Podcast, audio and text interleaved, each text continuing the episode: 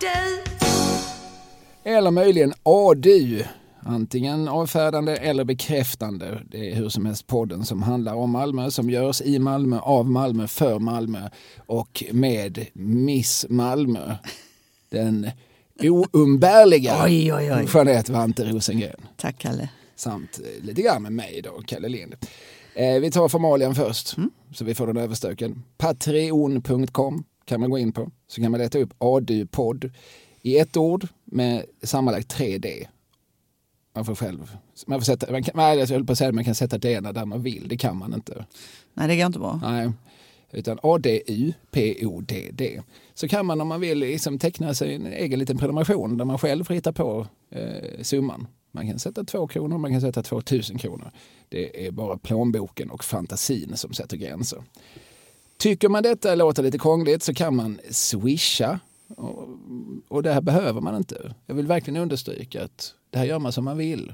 Vi sitter inte här och tigger, vi bara informerar. Ja. Det är konsumentinformation. Definitivt. 123 052 10 88 123 052 10 88 eh, så går det till Kalle Lind kulturarbete och sen så fördelas de pengarna oerhört broderligt och systerligt mellan mig och hon där mitt emot mig.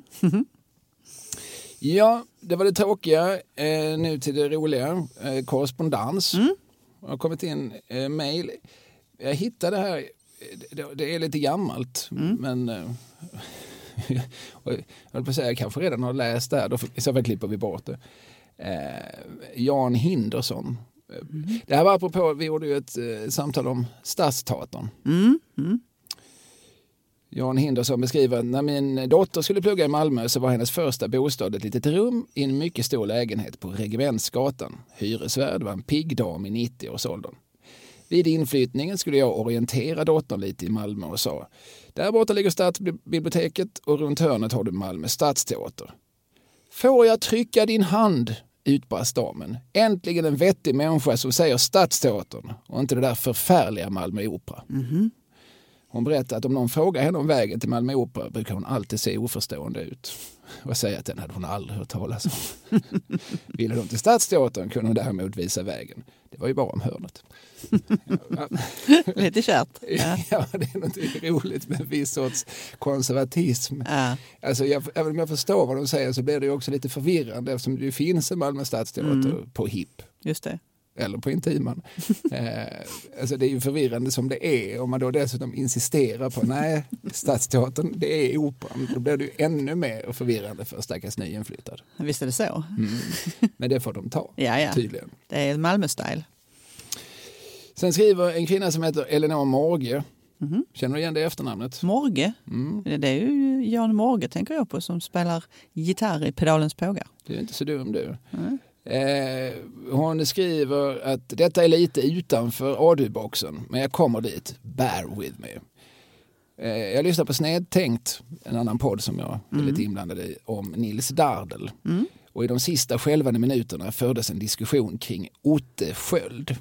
Kalle, det vill säga jag, pratade kort om att namnet Otte är kul, ja, vilket jag står för, O- Otte. Men ytterst ovanligt idag och att ingen annan än han, det vill säga jag, hade blivit gladare om det skulle få ett uppsving. Elinor vill nu bara glatt meddela att hon faktiskt har en liten Otte på fyra år hemma. Och denna lilla Otte i fråga har en mor vars gudmor är barnbarn till Otte Sköld. Oj! Målaren, alltså, Ja. han var alltså 20-talskonstnär. Eh, Startade sedermera en, en konstskola där bland annat en ung Beppe Wolgers lärde sig att använda pensel och färg. Lilla Otte i sin tur är barnbarn till, nu kommer Malmökopplingen, Carl P Dahl. Och sedermera Pedalens Pågars gitarrist Jan Mage, Carl Pedals. Och sedermera Pedalen, Pedalens Pågars gitarrist Jan Mage. Ja, se där. Eh, Jag tror även att eh, lilla Ottes pappa är något känd för Kalle på ett privatplan. En eh, pianist vars efternamn börjar på R och slutar på Ace. Ja, ja. Mm. Det var allt för mig och denna lilla Otte-anekdot som till slut ändå på något sätt hamnade i en Malmö-kontext. Vad roligt. Ja, så Ja, coolt namn. Otte. Otte, ja. ja men vi på, det kanske ska bli min mission i life. att se till att eh, Otte letar sig in på. Heter han dessutom Otte Morge så måste det vara väldigt unikt. Det kan ju inte vara någon annan i Sverige som heter så. Nej, Jag, jag, jag vågar påstå Mm. Att eh, han är ensam om namnet.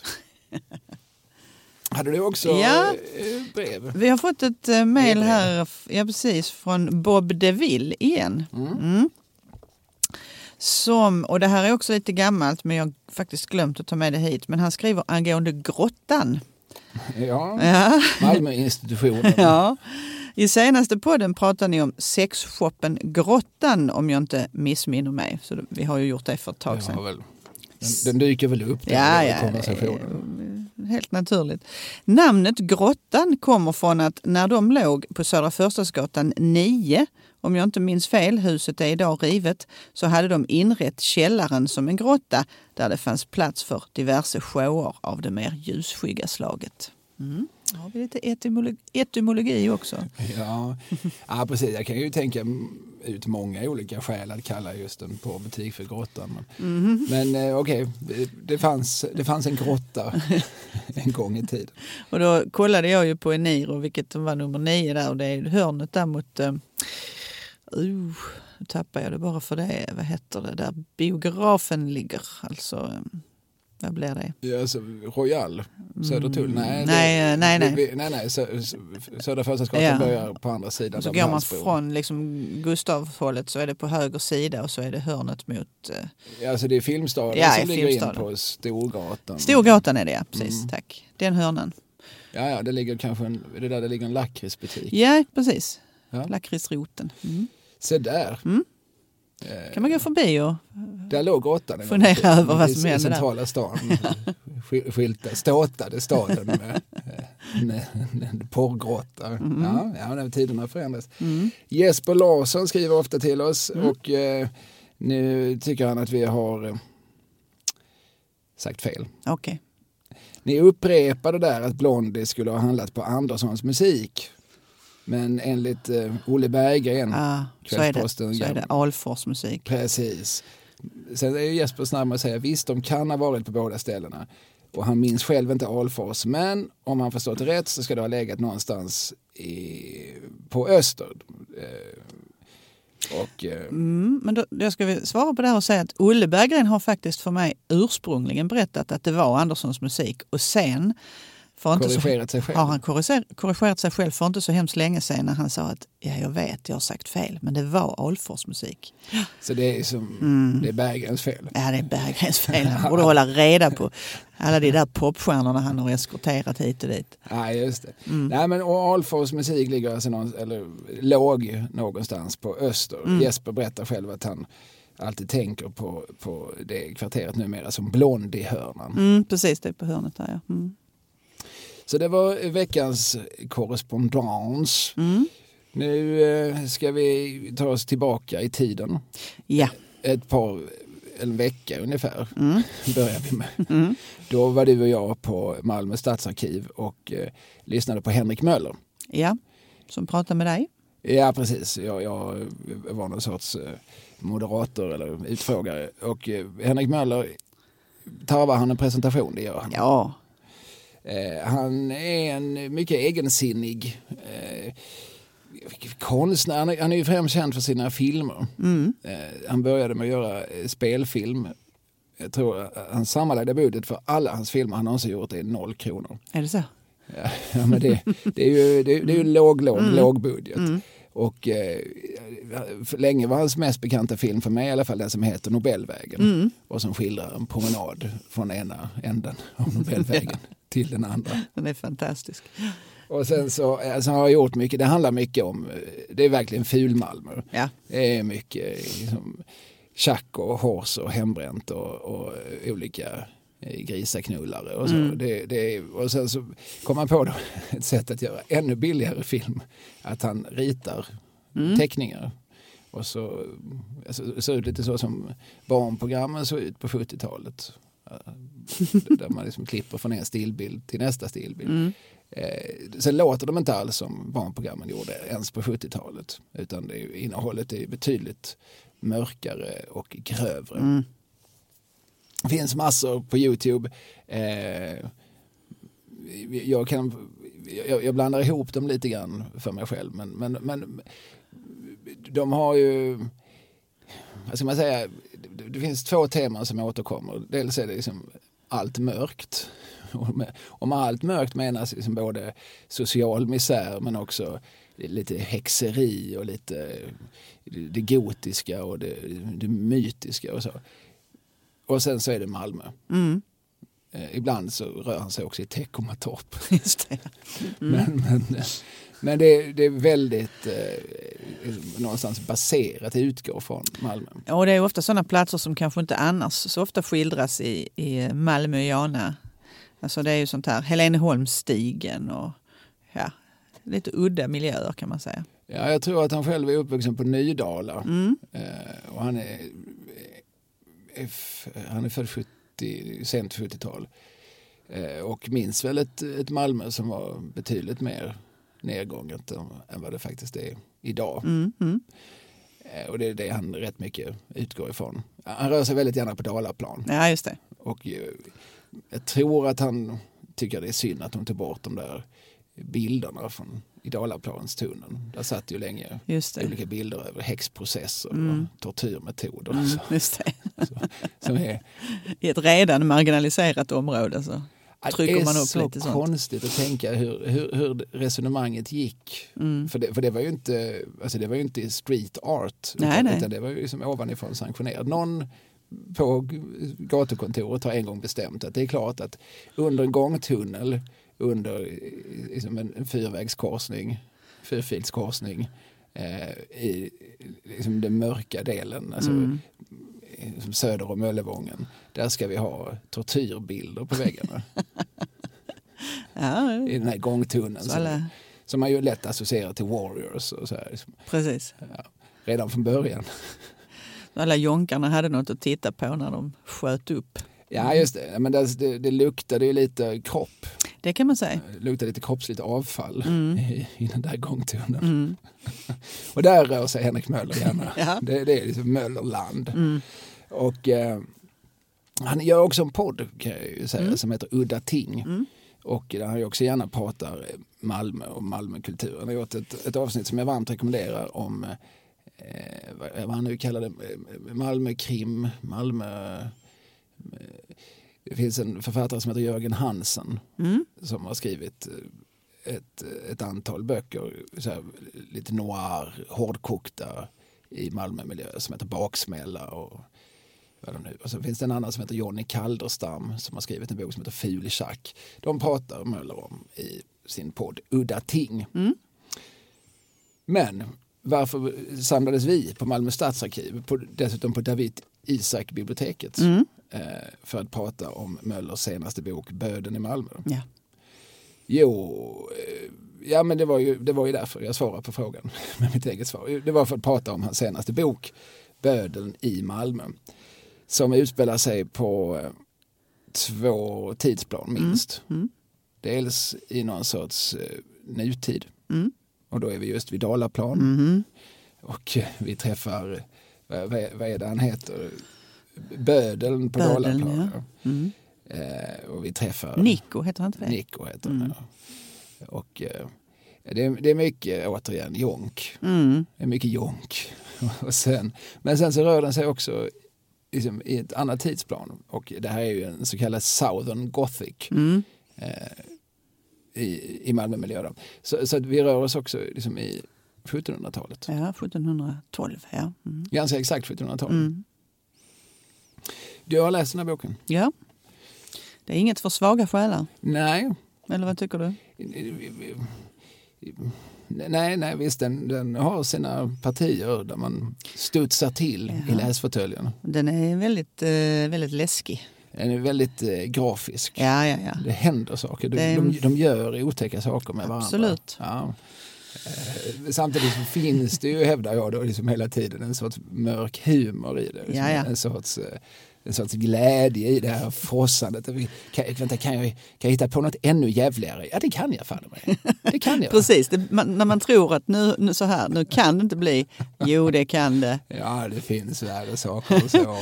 Men det är underbara, han har ju sådana här fantastiska beskrivningar. Det är vid något tillfälle när det är någon som springer så där det kändes som att springa på någon, någon övergödd eh, monarks eh, mage. Kommer du ihåg det här? Alltså den här Nej. gungflykänslan. Av, ja, det är så väldigt bild... Det är som att springa Vill- på Karl X Gustav. Så kan man väl säga, ja precis. Vi tänker oss Karl X Gustav liggande på marken, Ja. alltså 130 kilo ilsket fläsk Ja, liggande på marken. ja, Ja.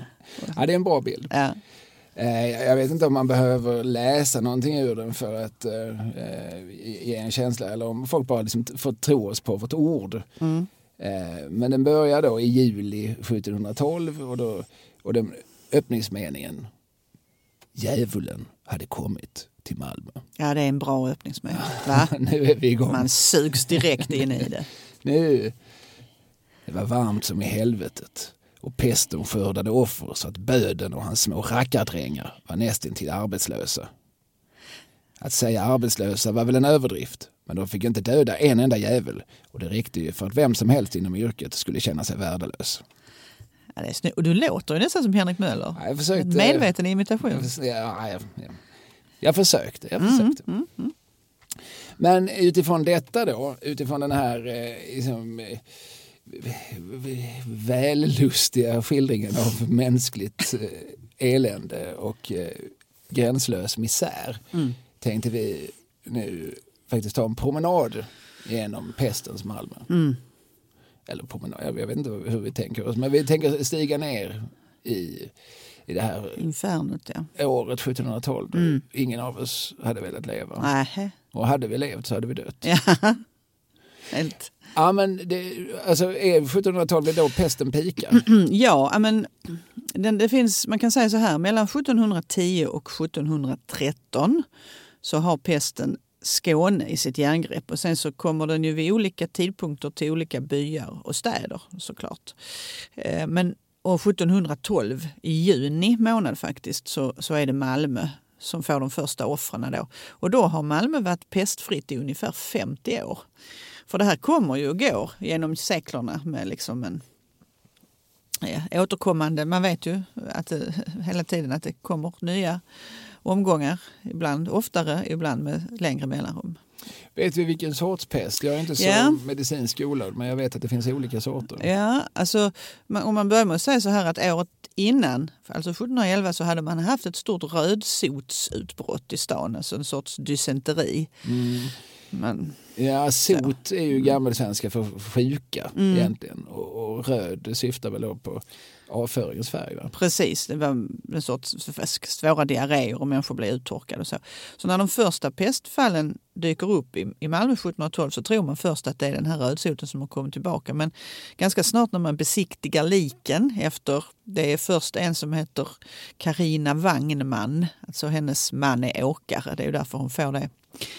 Eh, och eh, Per Anderssons fru, hon är inte namngiven, men Per Anderssons fru och små barn, de bodde grannar. De bodde på hörnet av Engelbrektsgatan och Grynbogatan. Grynbodarne som det hette då. Ja, det är ju mina kvarter. Ja, visst, det är inte alls långt från det. Det är ju numera, där bor ju Malmös kulturelit i, Mm.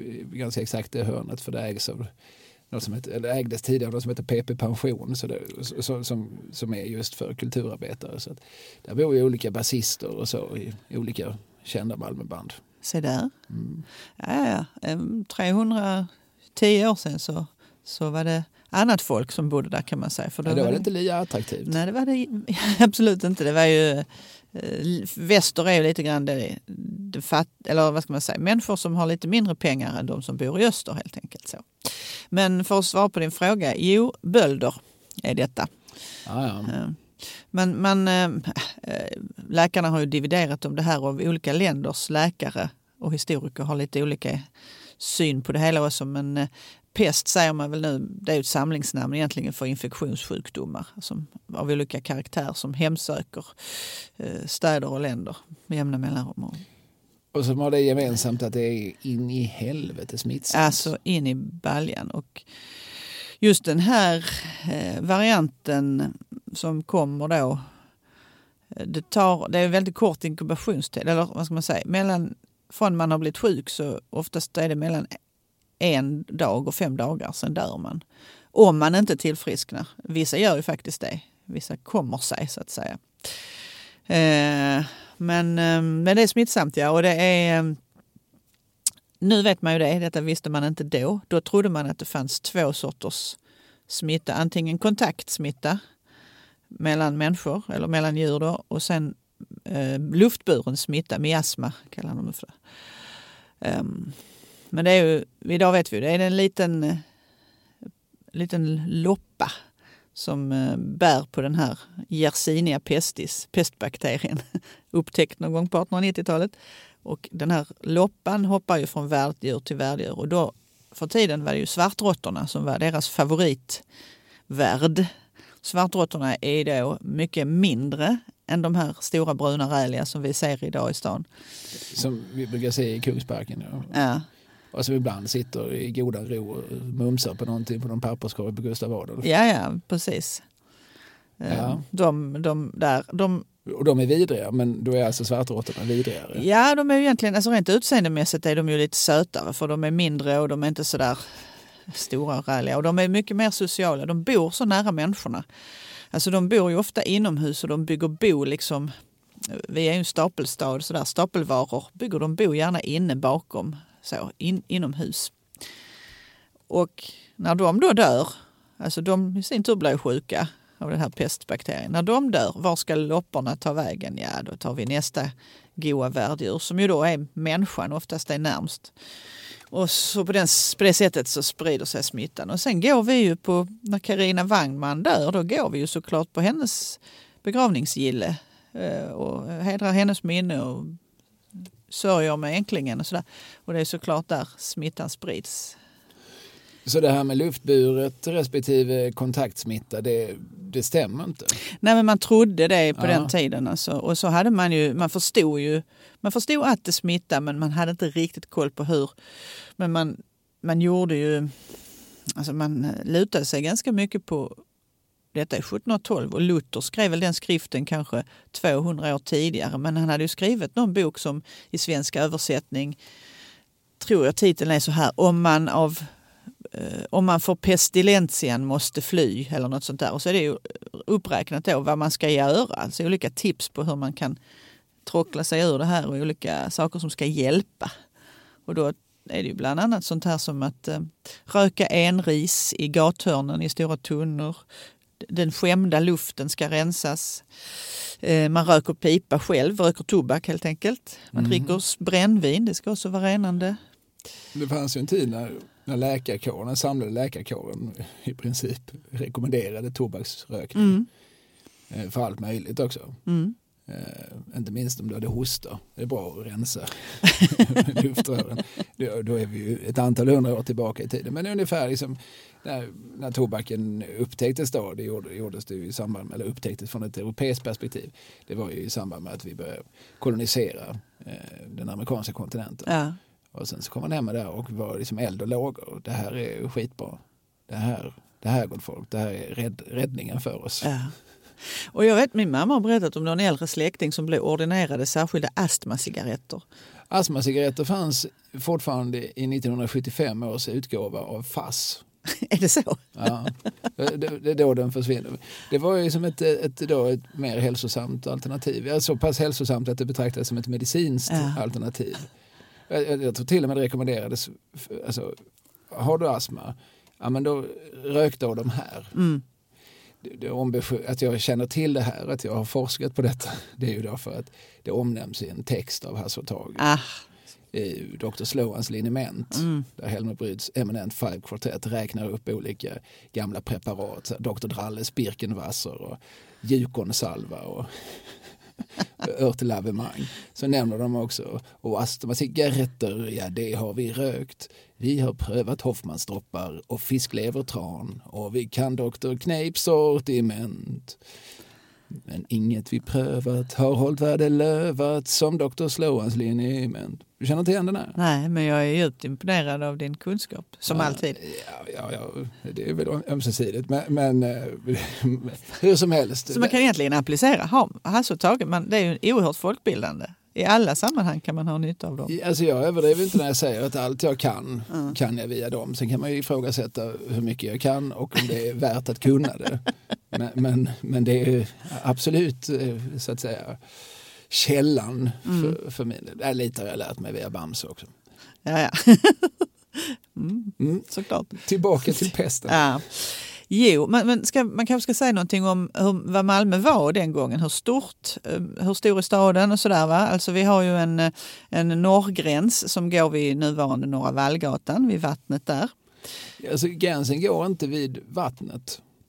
Alltså, så att säga. Alltså, Norra Vallgatan är en vall. Ja men precis, där är ju den, där är ju um, den gamla stadsmuren och uh, vi har fortfarande ingen hamn vid den tidpunkten. Nej, alltså. Och där skyddar man sig också för liksom, ett eventuellt anfall ja. via vatten, via havet, ja. via Öresund. Just det. Det fanns ju luckor och portar i muren där man kunde bli insläppt igenom. Sen i väster har vi ju slottet, alltså det med Malmöhus då. Och i öster så har vi Österport vid ungefär nuvarande Drottningtorget. Och sen i söder så går liksom vallarna mot, mot det som är Gustav Adolfs torg idag. Där är Söderport. Och 1712 just så ligger Söderport i mynningen av Engelbrektsgatan. Den har ju legat i mynningen Södergatan innan men den har blivit flyttad. Så större än så är inte Malmö vid det här. Allt som är innanför det här, gator och gränder naturligtvis, men inte mer. Nej, det är ju litet. Mm. Det är alltså Ja, hur många människor fick plats där? Ja, men då är det ungefär eh, något över 3000 personer. Och det har ju sjunkit drastiskt, invånarantalet. Från, från det att Malmö var en dansk, viktig, rik stad, alltså danska rikets andra största stad. Blomstrande stad. Eh, från det svenska maktövertagandet så har det ju bara gått åt pipsvängen får man säga för att folk har flyttat därifrån. Eh, Sverige satsar inte på Malmö som stad utan eh, andra städer får an bättre förutsättningar och så. Så att från att ha varit någonstans mellan 15 och 20 000 invånare när vi var som flest så har det här sjunkit ner till de här 3 000 som vi är i början på 1700-talet. Oj, mm. alltså det är ju en kraftig reduktion. Ja. Uh, sen ska det ju bli bättre igen, det visste man ju inte då men det vet vi ju nu. Ja, nu är vi på 350 000. ja.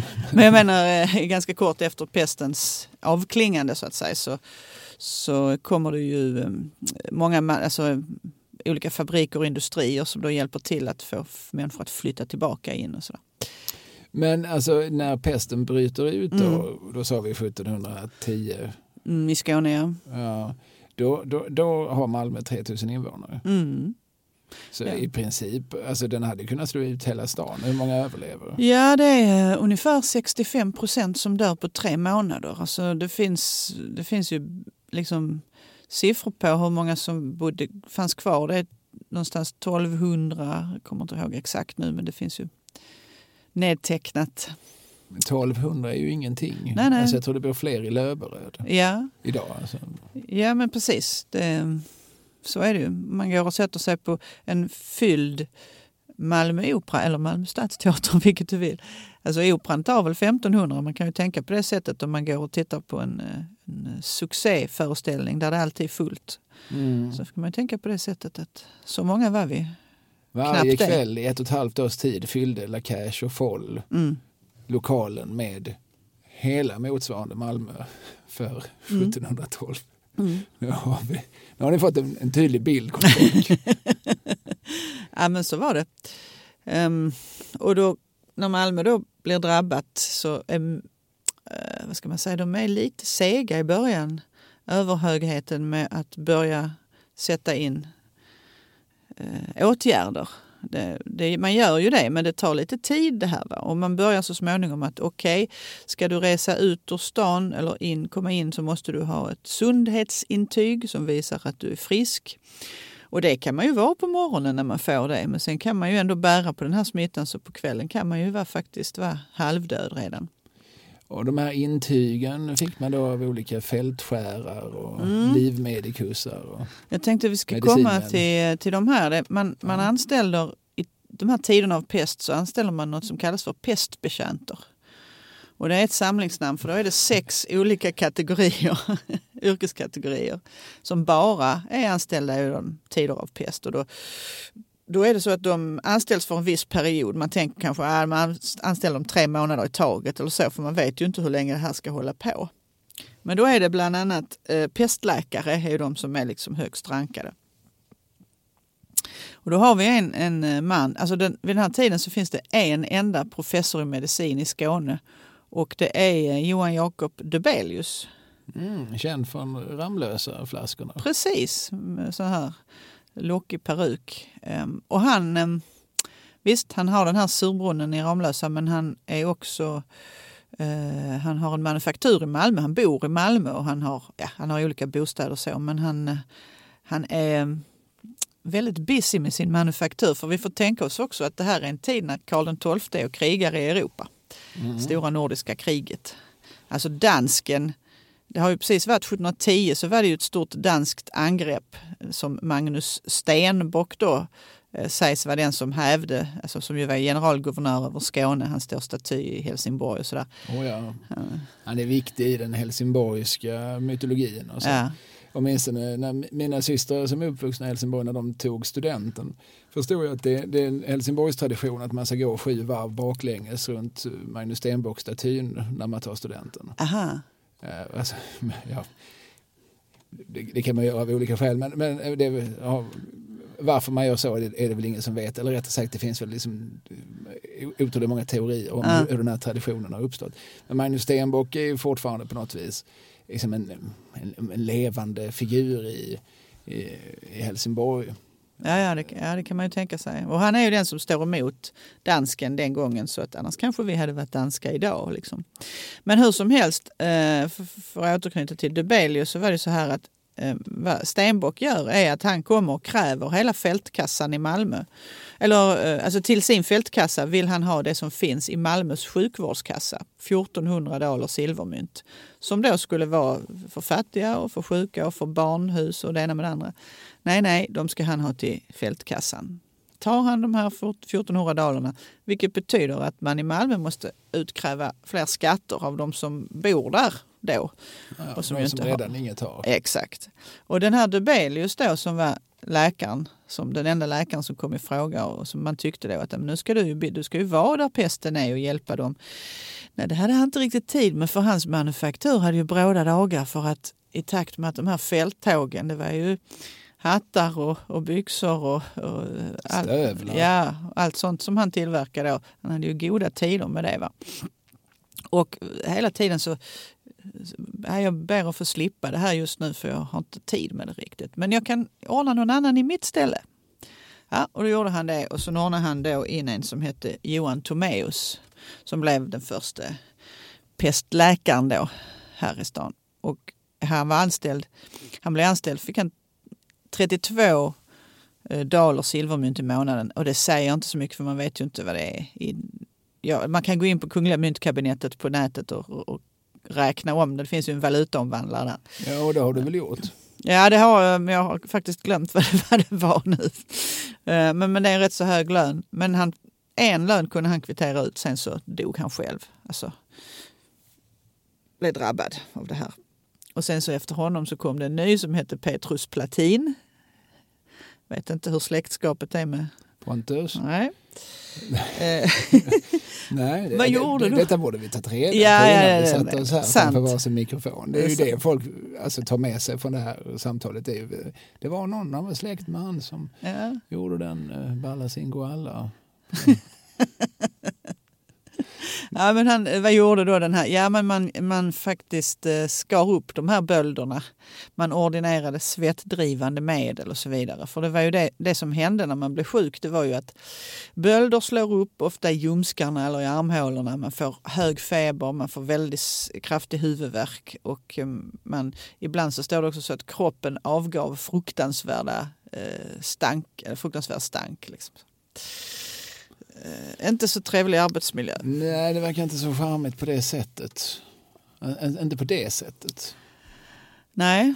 Eh, Ehm, ehm, men han, den här Petrus Platin då, han, han faktiskt klarade sig hela resan sen. Han, och det sägs att han klarade sig för att han oavbrutet tuggade ingefära. Mhm. Um, och det där tyckte jag var lite fascinerande för att det är klart, det, han kan ju också ha haft en sån här stark motståndskraft. Vissa blir ju inte smittade. Men, uh, men det kan ju också ha haft något med ingefäran att göra. I samma liksom, uh, tankebana som det här att vill man inte ha fästingar så ska man äta mycket vitlökskapslar. För att fästingar skyr den doften. Och det fanns ju möjligt då alltså att de här råttlopporna hade doftpreferenser som inte, eller vitlök, inte- eller där vad heter det, ingefära inte var det de absolut mest föredrog. Så, det, så kan det ha varit. Mm, Okej, okej. Mm, mm. Intressant. Mm. Eh, Sen har vi pest, eh, pestfältskäror. eh, vi är fortfarande på de här olika pestbekämparna. fast och, sex och, olika kategorier. Och, det är någon sorts hierarki då. Så pestläkarna var Mm. högst och sen kom pestfältskär. Fä- Fältskär är ju ett begrepp man känner igen från krigshistorien f- främst. Alltså de var väl just ute i fält och skar. Så har jag tolkat det. De hade en viss medicinsk utbildning, alltså att de kunde amputera armar och ben och operera. Liksom, ja, det var ofta liksom kirurgiska Ja. uppgifter de, de fick. Och en av de här, eh, det är roligt för vi har ju ganska nära dig också på Väster så finns ju Mäster Johansgatan. Mm. Och det finns Mäster Johan, MJ, hotellet där, MJs. Ja, absolut. Som är uppkallad efter Johannes Meinicke som var eh, fältskär i Malmö vid den här tiden. Och han är lite spännande för att han, eh, han, väg, han fattar ju vad det handlar om. Så han, hela tiden så undanbad han sig och sa att pestfältskär tyckte de, det skulle han vara. Nej, helst inte om jag kan slippa. Jag har så mycket annat att göra. Jag jobbar på barnhuset, artilleristaten, det ena med det andra. Han uppgav olika skäl till varför han inte skulle vara just pestfältskär. Men myndigheterna då, eller magistraten, de sa att det spelar ingen roll för du, du, du kan inte välja riktigt. Du får gå in och göra det här. Han hann liksom aldrig börja utan han dog också i pesten som de flesta andra gjorde. Eh, men han har i alla fall en, eh, en gata uppkallad efter sig. Ja, och numera är det också ett ganska fräscht hotell Ja. med en lounge där man kan dricka drink. Precis, och tänka på stackars Johannes. Ja, jag tror inte så många av dem som dricker drink där tänker på honom. Nej, Men eh, nu, efter att ha hört detta, men borde de göra så det. kanske vi gör det. Mm. Sen fanns det ju pestpräster. Ja. Pestpräst, det är, det är, det är bara, en bra titel. Men, Ja. Sven Frondelius var en. Men hade de någon uppgift liksom, bortanför liksom, prästens vanliga uppgifter? Eller de, alltså, Ehm, nej, men de, de läste över de döda? Ja, och de besökte de sjuka. Alltså Ja. på ett annat sätt ute i staden. De hade, de hade, hade att göra kan man säga.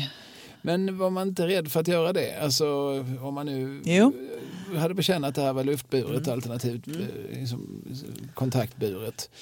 Hade de då på sig tjocka klänningar? Eller? Ja, då var det på, de hade faktiskt i sina anställningsavtal en pest, pestrock kallades det att de fick. Och just för prästerna så var de vaxade, alltså här långa eh, vaxade rockar. Och eh, pestgubbarna som vi snart ska komma till, de hade kärade rockar. Och det här gjordes på Dubelius manufakturfabrik? Eller? Det är inte orimligt att anta att det var så. Ja. Mm. Det, det, det är ju inte så många människor inblandade i detta tänker jag. Alltså, när vi har gått igenom de här kategorierna, är, är inte det hela stan Snart nog så. så, som, som hade olika liksom, pestuppfattningar Ja, ja, visst. eller uppgifter? Jo, nej, men det är, klart att de, det är klart att man förstod och många... Men man ska säga också att de som var de här liksom högst rankade kategorierna, det är de här tre vi har sagt nu, läkare, fältskärare och präster, de sökte sig hit oftast av egen vilja. Inte Johan Meinicke då, för han, eller Johannes Meinicke, han bodde ju redan här och han ville inte gärna. Men de andra, eh, det var människor som frivilligt anmälde sig. Och det hade ju att göra med att dels så var det en ganska bra lön som man dessutom det visste man ju inte då, men man hade jättesvårt att få ut lönerna oftast. För stan hade ju inga pengar. Men det kom som en tråkig överraskning sen i slutet på månaden. Ja, efter allt detta tråkiga så kom Mm. en tråkig överraskning. Ja, precis. Men man hade också, eh, man blev ju eh, förespeglad att när det här tar slut så kommer du att ha första tjing på en jättebra tjänst. Du kommer att ha bra lön och du kommer att få, få behålla det här och få en bra bostad. Så, Så det där lockade ju många naturligtvis också. Jag tycker det är så fascinerande att tänka på, på hur det lockade, alltså hur nådde ryktet folk? Alltså, Alltså det är ju ändå ett visst avstånd, då är det sex mil mellan Malmö och Helsingborg. Alltså mm. Folk var ändå så pass rörliga. Mm. Eh, hur, hur, de här som då kom och anmälde sig och sa ja, jag vill bli mm. pest det ena eller det andra. Hur, hur, mm. hur nådde, alltså... ja, Johan Tomeus han kom från Osby till exempel, så det var inte nästgårds. Nej, vad är det till Osby? 10-12 mil i alla fall. Ja, säkert. Och då, då kom de eh, ridande med bud? Eller de kom, eh... och jag tr tror att eh, det, här, det var också kungörelser som skickades ut till alla och läses upp i kyrkor. Mm. Johan Tomeus var prästson så att det är möjligt att det kom den vägen till honom. Men det är oftast, innan dagstidningarna var hos gemene man så var det oftast på gudstjänsterna man fick den där samhällsinformationen också. Och det gick från by till by, det måste ju ha tagit ett tag. Ja, tänker jag. Och i synnerhet som vissa byar blev mer eller mindre utplånade under de här åren när folk, eh, vad heter det, eh, gårdarna låg för fäfot och bonden och bondmoran de låg döda och djuren gick på vall. Alltså det var helt horribelt hur det såg ut ute i, i landsbygden också såklart. Men det där, nej, men man, man, eh, man vill inte gärna såklart in i, och det fanns också påbud om att man skulle inte gå in så, alltså så lite man kunde skulle man beblanda sig med andra människor. Det är ju precis som nu under pandemin. Ah, nu blir det ingen Malmöfestival i år, sa man i fjol. Och så sa man ju också 1712, nu är det ingen marknad i år och den här veckan och den här veckan. Vi, vi struntar i allt det där med marknader. Så man förstod ju det här med att man inte skulle samlas. Samtidigt var det ju ett påbud eh, att man skulle gå i kyrkan på söndagen. Ja, ja vissa mm. saker kan vi inte rucka på. Nej. Det här är ju Guds straff också trodde man. Så att vi måste ju vara extra gudfruktiga då. Ja, vi måste gå dit varje söndag och mm. höra just att det är Guds straff. Mm. Det är ett eget fel. Ni syndiga, meniga. Mm. Ja. Mm.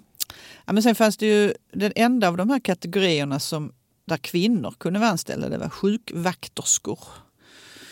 Um, och då hängde det ihop med att um, efter Magnus Stenbock så blev det en man som hette Jakob, uh, hette han nu då? Burenskiöld, va? tror jag, som blev generalguvernör över Skåne. Och han i sin tur upplät fem små hus på Hjorttackegatan. Om du tänker dig Hjorttackegatan på Gamla Väster som går upp mot Slottsgatan. Ja, det är Siestagatan. Exakt. Om man står vid Siesta och tittar upp mot Slottsgatan så längst upp på höger sida låg de här små låga envåningshusen, fem stycken i rad. De är ju rivna, fast inte för så länge sedan. Det är sekelskiftet 1900 någon gång. Pestraden kallades den och där hade man en sorts sjukhus för väldigt sjuka människor som då eh, fördes dit och de här kvinnorna ansvarade för passning och skötsel och inte minst utspisning av mat till de sjuka och sådär. Och sen fanns det några hus till där eh, intill och där bodde ju, sen fanns det ju dödgrävare som också var en kategori. Och de här var ju inte sedda dödgrävarna var ju inte sedda med så blida ögon. De hamnar i samma kategori som bödeln som Henrik Möller har skrivit om och så. Ja, rackaren. rackaren ja. Böden eller skarprättaren, det känner vi ju till. Det var ju de som utförde dödsstraffen som, som bjöds från ovan. Och det var väl inte sällan folk som själva var dödsdömda som fick ta de ja. uppdragen. Alltså du får välja mellan att dö eller dödas. Mm. Och eh, ja, då valde vissa dödas. Mm. Döda. Döda. Mm. Ja. Dö, eller döda. Mm. Precis. eh, och, och sen, men under dem stod väl egentligen rackarna, rackardrängarna. Mm. Alltså det var de som fick ta hand om människoliken men de fick också ta hand om djurhudar mm. mm. och liksom allt som mm. betraktades som smutsigt och mm. orent. Precis.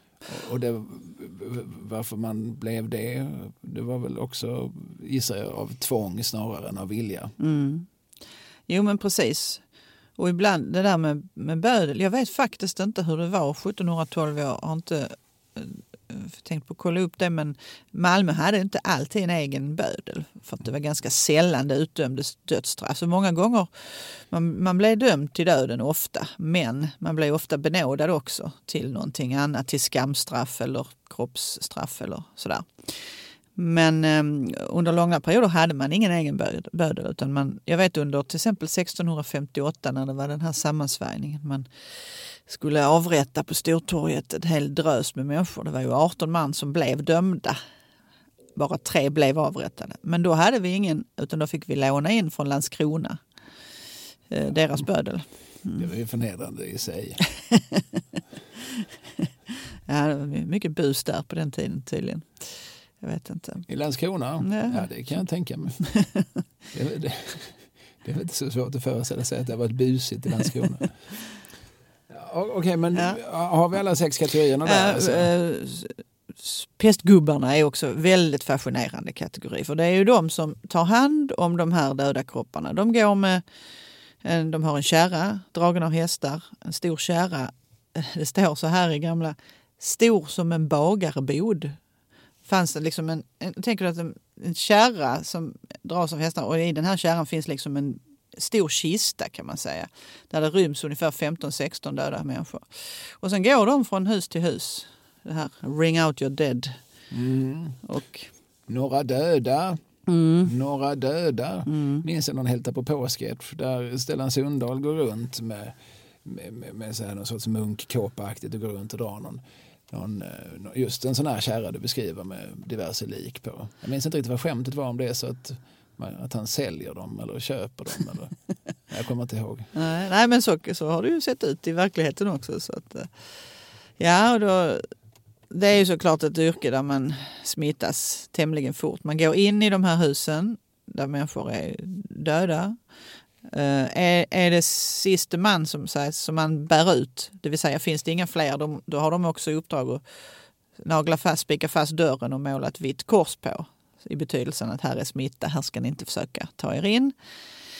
Men eh, de här pestgubbarna de hade ju inte bara i Malmö utan i många andra skånska städer väldigt, väldigt dåligt rykte för att ibland så väntade de ju inte riktigt på att folk skulle dö naturligt utan de ströp folk. De kunde ju få betalt per kropp nämligen som de levererar. Va? Aj, aj, aj. Ja, du förstår. Och då stal de ju också eh, om det fanns något att stjäla. Ofta var det ju textilier som var eftertraktade och kläder och så. Och annat värdefullt. Jag sitter och tänker på Sjunde inseglet. Mm. Varför? Ja, det är ju en film av Ingmar Bergman. Mm. som jag vill minnas gör, gör sommaren 56. Då jobbar ju Ingmar Bergman på Malmö stadsteater. Han är konstnärlig ledare här. Och det är ju, han tar ju sin ensemble eh, med eh, Max von Sydow och, och Ingrid Thulin och så från Malmö stadsteater upp till Hovs hallar och Just spelar in Mm. Sjunde inseglet. Och Sjunde inseglet har sin, sitt ursprung i en, eh, en pjäs han skrev, en, en, sorts övningspjäs han skrev för, för sina skådespelare. Att han ville då skulle kunna hålla, hålla monologer. Den heter Trämålning. Eh, och eh, det här pestmotivet, jag undrar om han liksom snappar upp det Mm. härifrån. För att Sjunde inseglet utspelar sig ju för den som inte har detta aktuellt för sig under, under pesten. Då riddaren Antonius Block och hans väpnare Jöns Gunnar Björnstrand kommer tillbaka efter något korståg och sen så kommer de till det pestdrabbade eh, Sverige. Och, eh, och mycket av det du beskriver, alltså inte minst eh, de här liksom tjuvarna som, som hittar lik och plockar ringar och så. Som, det finns några scener där Gunnar Björnstrand eh, eh, hindrar dem från att göra det. Jag tror det är Åke Fridell kanske som, som spelar någon, någon tjuv. Mm. Så eh, en teori då är att Bergman på något vis eh, efter, alltså, vi vet att Sjunde inseglet har någon sorts skånsk malmitisk eh, början. Mm. Så att, sen skedde ju det här såklart inte bara i Malmö och Skåne. Men, alltså var Malmö särskilt drabbat om man jämför? Eh, Malmö var, var hårt drabbat, absolut. Eh, verkligen, ja. Alla andra städer. Lund klarar sig bättre till exempel. Och, men vissa andra... Men om man tittar på liksom, hela Sverige, Mm. var, var Skåne särskilt drabbat? Mm, alltså, den man kan, Magnus Westerbro har skrivit en bok som också heter Pesten. eh, Jag tror den heter bara Pesten i Stockholm kanske. Eller, som också utspelar sig då 1710. För att den gick de här åren runt hela landet kan man verkligen säga. Eh, Så att det var hårt, det var hårt drabbat överallt nästan. Men, dystra tider. Alltså, Ja. Samtidigt så, så slår Karl XII ihjäl halva manliga befolkningen i sina olika krig nere Ja. på kontinenten. Och så. Det är ett under att vi överlevde. Det är Att nationen absolut. stod kvar. Ja, visst är det så. Det ska man inte eh, underskatta alls. Och det, ja, det finns ju en sån här fruktansvärd historia också. För, för det är inte från Malmö dock, utan det är från eh, någonstans i södra Småland där, där en, en liknande, alltså en sån här eh, pestgubbe hade gått in i... Eh, det var en, mannen var död va? och barnen var döda. Okej, ut med dem, begrav dem. Kvinnan lever fortfarande men har två stora bölder. Vad gör den här pestgubben då? Äh, men han, han, det fanns ju redan en kista. Så han tar och öser ner, liksom lägger ner henne i kistan. Fast på mage. Och då är det ett sätt för honom att hindra att hon går igen. För enligt den gamla folktron då så begravs man med huvudet ner så kan man inte spöka för den då som har tagit livet av en helt enkelt. Och han spikar igen. Ja, mycket. Han spikar igen kittlocket och så går han därifrån. Nu har hon en jäkla tur för att snickaren som har varit där och gjort den här kistan innan, som väl trodde, och alla trodde ju att hon skulle dö, han har glömt något verktyg. Så han kommer tillbaks för att hämta det och då ligger hon ju där och- bankar liksom hjälp, hjälp. Och han får upp henne och hon blir faktiskt frisk.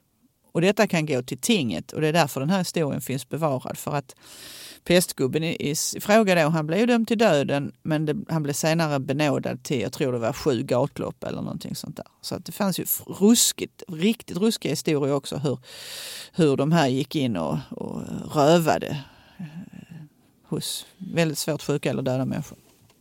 Och sen ska man säga, vilka blev pestgubbar? Ja, vilka blev pestgubbar? Ja, för det här var ju inte något som präster och sånt som man som pestpräster, de sökte ju sig själva till det här till Malmö. Det här var ju människor som rekryterades från sådana som var till exempel tidigare straffade. Men också, vilket är helt fruktansvärt, var det med människor med någon sorts funktionsvariationer. Som alltså inte hade någon egen röst och kunde säga nej det här vill inte jag göra utan man fick illa tvunget finna sig i det här jobbet. Och allt det medförde. Ja, Ja. det var inte alltid bättre förr. Sen ska de ju köra liken ut till begravningsplatsen. Som då vid den här tiden låg ut, långt utanför stan. Alltså där Gustav Adolf-palatset ligger idag. eh, Snett över gamla konserthuset. Mhm. Föreningsgatan, Amiralsgatan blir det va? Ja. Du vet var jag är då? Där Stig Ahlgren växte upp bland annat. Ja. Som vi var med, som, som ju nidporträtteras i den film som Bergman gjorde eh, precis eh, liksom i, i höjd med Sjunde inseglet, det vill säga Smultronstället. Se där. Allt hänger ihop. Allt hänger ihop. ja, men där fanns ju, då hade man ju förstått, också var det så här att de kyrkogårdar som fanns inne i Malmö, lilla Malmö, de var ju fulla. De, människor dog som flugor. Så att det fanns inte plats utan då eh, på kvällen så när kärran är full, ut där då till den här, det är ju nästan som en massgrav faktiskt som man slår upp. Och så prästen läser lite grann och så ner med de här och så häller man ju sand över det är ett visst lager för man förstod det här med smittan och så och sen så, så, eh, så kärran in till stan igen. Men tänk då Malmöborna som har blivit av med gamla farmor nu, hon har dött i pesten och hon ligger där. Det här är ju ingen vigd jord. Då blir ju många väldigt oroade för hur ska det gå för farmor i, i nästa liv. Så då tar man sin kära och tar sig ut från stan på kvällen. Upp med farmor och graven. På farmor på på sin egen lilla kärra in med henne till stan, snackar sig in förbi vakten, kanske mutar sig in. Och sen så tar man sig till exempel till Sankt Petri kyrkas kyrkogård som ju den gången var omgiven med mur i nuvarande Skälbogatan till exempel, där runt om kyrkan. Liksom. Eh, tar sig in på kyrkogården och begraver farmor där.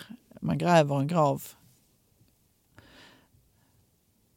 prästen som hette Johannes Hoverberg på den tiden i Sankt Petrus kyrka, han har ju flera gånger skrivit, han var väldigt upprörd, han kom till jobb på morgonen, går in på kyrkogården, det sticker upp huvuden och händer och allt möjligt för att i uppskottade gravar hade ju folk då stående begravt sina nära och kära bara för att de skulle få vara i, i den vigda jorden.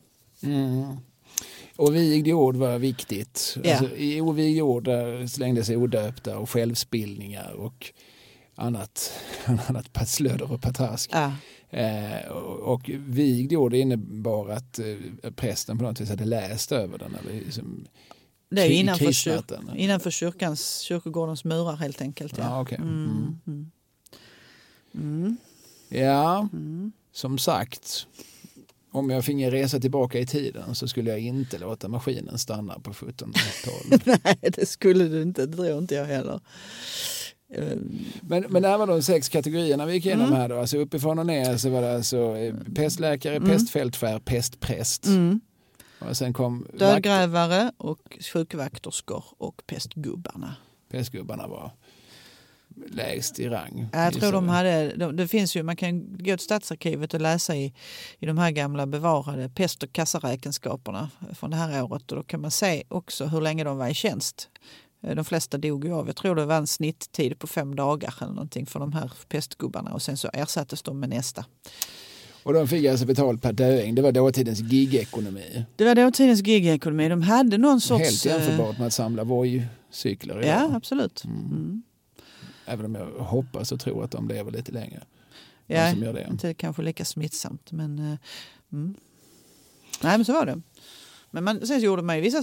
Man stängde ju staden såklart mer eller mindre då. Eh, och man, allt, allt korrespondens, alla brev som kom, då hade man ett litet rökverk ute vid Håkanstorp där man rökte all, all post, alltså alla brev och sånt. För man hade en idé om att svavel som man rökte i då, att det skulle vara effektivt. Och det, det var det nog också, eh, har jag läst. Det är en läkare och historiker som heter Bodil Persson som har skrivit mycket om den här tiden. Ja, det kanske är Förklarat det. utrotalopperna. Mm, precis.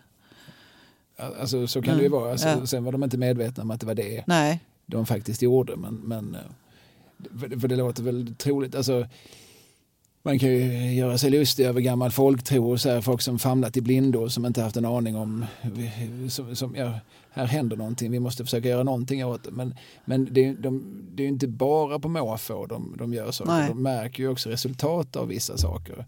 Och då, alltså, ja, men, någonting verkar ju hända, ofta händer någonting om vi, om vi röker det här granriset eller om vi precis. drar igång den här, det här svavelloset så, så verkar det vara något mindre smittsamt i alla fall. Visst, absolut har det varit på det viset. Och sen hade man ju sina, eh, när det var någon ny rapport som man skulle få ut till invånarna så hade man ju sina trumslagare i gathörnen som, som påkallade uppmärksamhet. Och nu så har det här hänt och det här kan ni försöka göra. Och det fanns ju, fanns ju ändå ett apotek eh, Kristoffer Dietrich som drev det då. Det var i hörnan av, om du tänker dig, Stortorget och Kyrkogatan. Alltså brev, jämte residenset där. Nästa Mm. hus, där ligger väl en vinbar idag. Gustavino. Just så. Eh, där fanns stadens apotek och där fanns ju ändå vissa saker som såldes som man trodde då kunde ha effekt. Mm. Men du, då, då är Malmö drabbat av pest, vad sa vi, 1710 till 1713?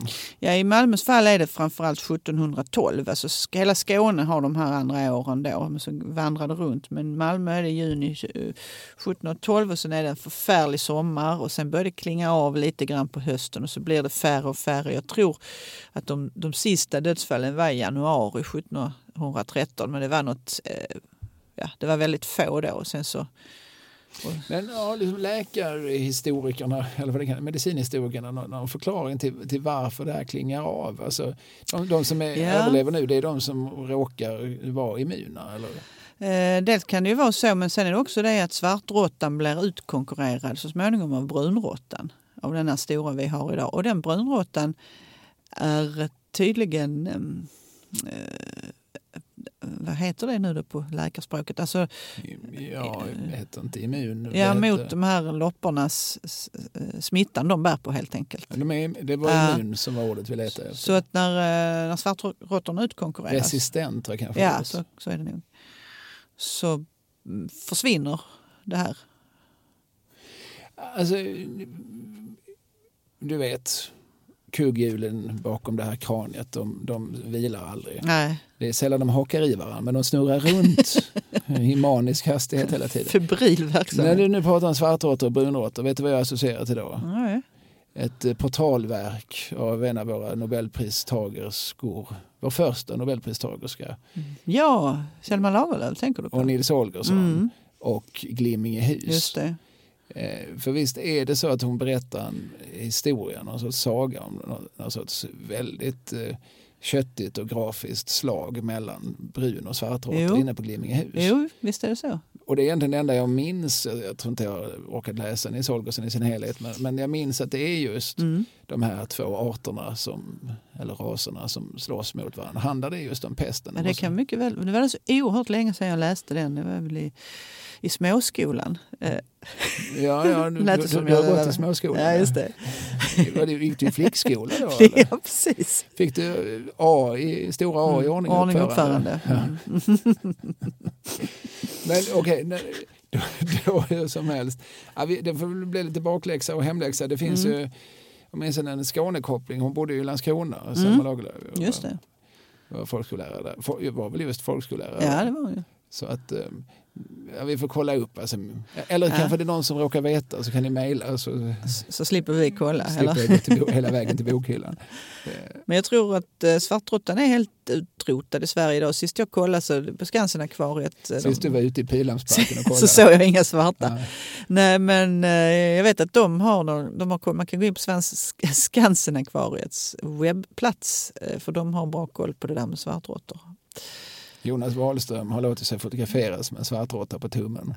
Är det så? Nej. När jag var 11 och när man är 11 så då är ju, om, om man är pojke så är ju det, det viktigaste som finns i livet är ju Guinness rekordbok. Ja, ja, ja. Och eh, då var det absolut ett faktum att mannen med världens mest fotograferade tumme det var Jonas Wahlström på Skansen-akvariet. Han har låtit så många små spökdjur och så sitta på tummen för olika fotograferingar. Så därför tänker jag att han kanske också har låtit en svartråtta sitta där. Det är inte orimligt att anta faktiskt. Ja. Det var en association. Jag förstod det. Ja, men eh, okej. Så det är ju egentligen en sommar då det här är som allra vidrigast. Det är som vidrigast då i juni, juli, augusti. eh, Då när Per, per Gessle gick och fiska. Nej men det var två olika låtar. Men i alla fall. eh, Det var det faktiskt. Det var helt förfärligt. Och då är det varje dag drar den här vagnen genom gatorna full, fylld av, av människor. Och det är tänk i en sån här liten, i en kontext med bara några tusen, jag menar, hur många ringar har du i ditt nätverk? Det, det här är ju människor man, det är ju grannar, vänner, familj, människor man känner såklart människor man arbetar med som rycks bort en efter en. Ingen i princip blev, blev skonad. Och det finns ju en, man har gjort en, en grafisk karta så att man kan se var i staden slog det värst. Den finns publicerad i, i eh, Malmö stads historia eh, för den tiden då. Man kan säga att det var faktiskt, det, sjukdomen gjorde ingen skillnad på fattig eller rik. Ehm, eh, utan man kan säga att både i väster och i öster så, så fanns så, så slog det väldigt hårt mot invånarna.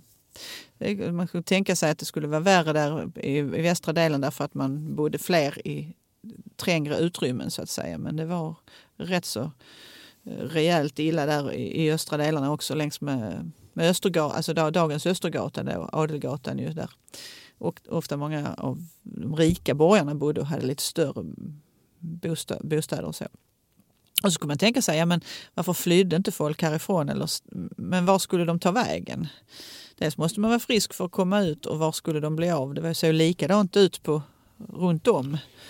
Var vi än Ja, skulle även, oss. även om det inte hade gjort det så, så vet man ju inte det. Alltså, att, att fly är ju en rätt så besvärlig handling. Alltså, för, alltså, i en tid, det är inte så att man har kunnat läsa i tidningen, alltså, man har någon, någon egentlig uppfattning om hur det ser ut egentligen ens bortom stadsmurarna. Nej. Fol- Folk har ju inte sett sig omkring. Vad, vadå, vart ska jag fly? Jag vet, jag vet ju inte vad som finns bortom, bortom den där vallen. Eh, vad finns det för garantier att jag överlever där? Visst. Eh, ja, Ja, jag har sagt det innan men jag kan säga det igen att uh, sommaren 1712 då, då hade jag tagit mig en, en resa till Zakynthos istället. Sa- Sakynthos? Ja, eller Tassos. Någon, Ah, du gick någon- på en grekiska någon ö, grek- ja. ja. Jag hade tagit mig härifrån. Jag hade, jag hade tagit mig till Kastrup. Mm. Jag hade satt mig på planet. Jag hade eh, inte känt flygskam. Jag hade Nej. bara, bara som kastat mig. Tre månader i arkipelagen. Ja, det hade väl varit gott. Ja, klart. Mm, vem hade inte gjort det? Nej, nej, nej, nej, det var förfärligt såklart. Sen så, man ska ju också säga om man nu, uh, Frans Suel som vi har pratat om mm. tidigare. Nu är jag på den, den första då, den äldste. Han, han kom ju till Malmö denna sommar och gifter sig i juni 1712 i Sankt Petri kyrka med Anna Katarina Stein. Båda de här klarar sig, överlever och nu ska jag inte säga att det är tack vare honom just, men det är ju med honom och andra sådana här industrikapitalister och entreprenörer som Malmö sen igen hämtar sig efter den här katastrofen. För han drar ju igång sånt som han och andra med honom med, med socker, eh, raffinaderier och fler manufakturer och det är rapsplantager och det ena med det andra. Men var det inte dålig tajming av honom? Varför kom han just då? Ja, jag vet faktiskt inte. Han kom från Tyskland. Ja, men för hans del så gick det ju bra. Han, han blev inte sjuk och han klarade sig. Nej, men, men det visste han väl ändå nej, inte? Nej, det visste han inte. Nej, men jag, jag vet faktiskt inte hur, hur det... Det kanske var likadant i Tyskland vid det tillfället. Det är inte omöjligt att anta. För det är ju hela, hela Västeuropa blir ju drabbat faktiskt. ska man också veta. Är det den sista pestepidemin? Ja, alltså, sen har det ju brutit ut, eh, fast inte i samma omfattning. Sen kommer ju som sagt, det här råttan blir utkonkurrerad och eh, så långt in på 1900-talet faktiskt så har vi ju antibiotika och allt sånt där. Men det har kommit på, på, på olika ställen i världen. Eh, jag undrar om det inte är någonstans i, i Volga som det har varit något eh, stort utbrott faktiskt på 1900-talet. Var vi Ja, i, i Ryssland då alltså. Mm. Ja, men, ehm, ja. ja. det är den enda Volga jag känner till. Mm. Men eh, ja, och sen så har vi haft andra epi och pandemier. Ja, just det. Just det. Eh, spanska sjukan under första världskriget. Sen ja. var det visst någon här precis här om året. Har, jag, har jag vaga minnen av. Mm. Eh, eller här om månaden. Tog det slut. jag, jag har förträngt allt. Men, men, men då, är det ju, då har det väl varit just liksom luftburet och beröringsburet. Mm. Mm. Kontaktburet. Jaha. Så följderna, alltså sen så, mm. så försvinner pesten och eh, kvar står 1200 Malmöbor och en nyinflyttad tysk entreprenör. Precis, jag tror nu får du börja om från början. så, lite så är det. Jag tror faktiskt det är 1024 nu när jag söker mitt minne här som man, man vet är registrerade som finns. Men man ska ju också säga det här, väldigt många dog. Men jag satt och räknade på eh, vid något tillfälle för länge sedan. Eh, det föddes ju också barn under de här månaderna såklart. Jag tror det föddes 169 barn eller någonting. Så att, eh, och många av dem överlevde.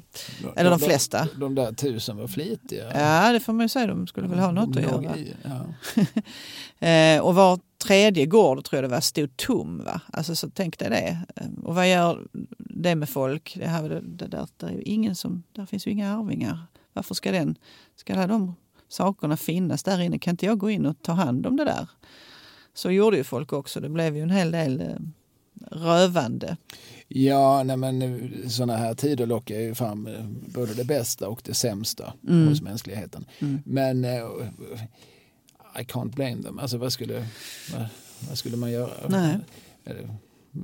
Ska det stå och förfalla? Alltså, men, men, men jag är fortfarande lite upphängd på det. Alltså, de här lopporna kan ju inte bara ha försvunnit. Men tydligen Tydligen kunde de det. Ja, så det klingar av och jag vet inte riktigt exakt den eh, liksom vetenskapliga anledningen till om det fanns någon om det var det här med immunitet och vissa blir ju aldrig sjuka ens. Så är det ju av någon anledning. Men... Ja, vissa har någon sorts medfödd motståndskraft. Ja, ja, ja. Uh, ja, ja. Uh. Det får vara någon läkare som får men när sätter sen Frans Suel igång? Alltså det gör han mer eller mindre omedelbart? Mer eller mindre omedelbart, men jag tror att han öppnar sin första, det är inte förrän på 1720-talet någon gång som de stora eh, arbetsplatserna kommer igång. Men han, eh, han, han är ju flitig hela tiden såklart. Mm. Finns Suel-släkten kvar? Jag vet minsann inte. Va? Nej, men jag måste kolla upp det där. De gifter ju sig in med Kockum och ja, du vet. Ja, ja. Ja, ja, de här.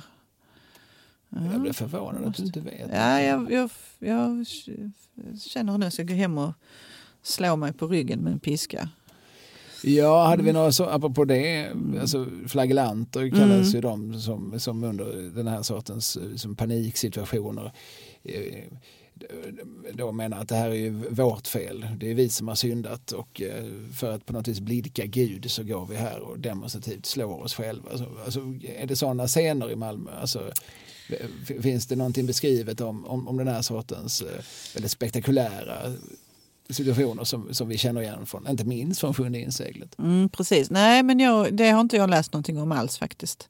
Och jag undrar, är det inte mest eh, katoliker som är flagellanter? Jo, Eller? det kanske är under digerdöden. Ja. Som, som, om, om det har skett i Sverige, det vet jag inte ens om det har. För jag tror att Bergman jag utgår Sjunde inseglet här, vilket är dumt att göra för att den är ju inte på något vis historiskt korrekt. Riddaren, ingen riddare har veterligt spelat schack med döden.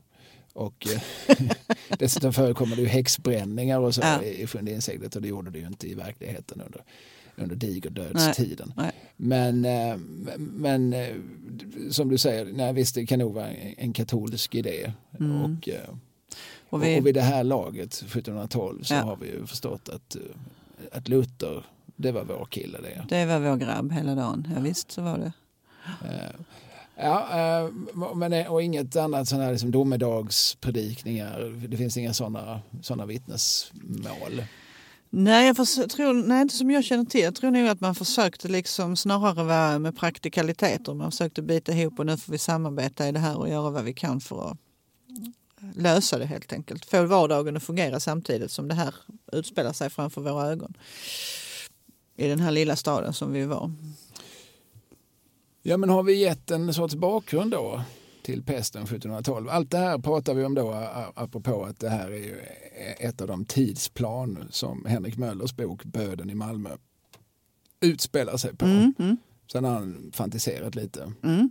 och eh, beskriver olika tidshål och så här. Olika människor kom, kommer fram och tillbaka genom, genom tiden. Den är ju, har ju, det, är, det är en ovanlig genre. Ja, verkligen. Alltså just den här liksom Malmöbaserade Mm.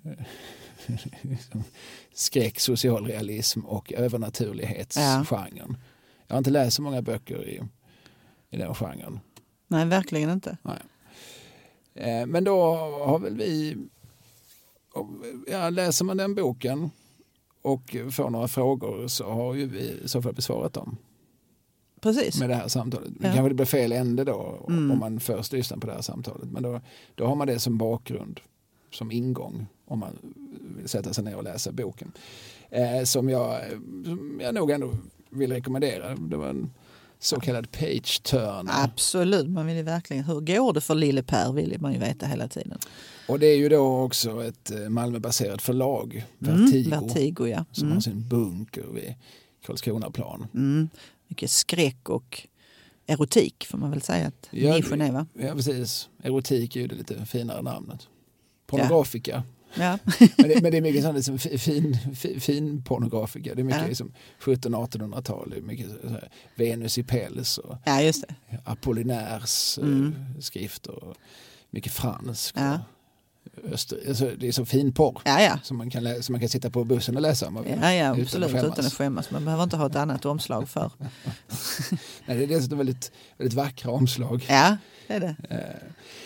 Ja men vad bra, då kanske vi är färdiga för den här gången. Då. Ja, Vi kan ju återkomma, du och jag, och prata om helt andra perspektiv på, på Malmö om två det veckor. hoppas jag verkligen.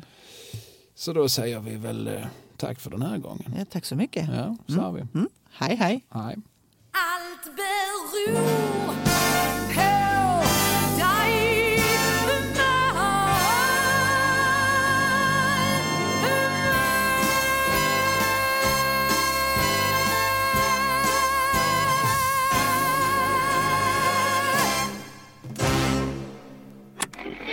Programutsändningen presenterades av... Kalle Lind, kulturarbete AB.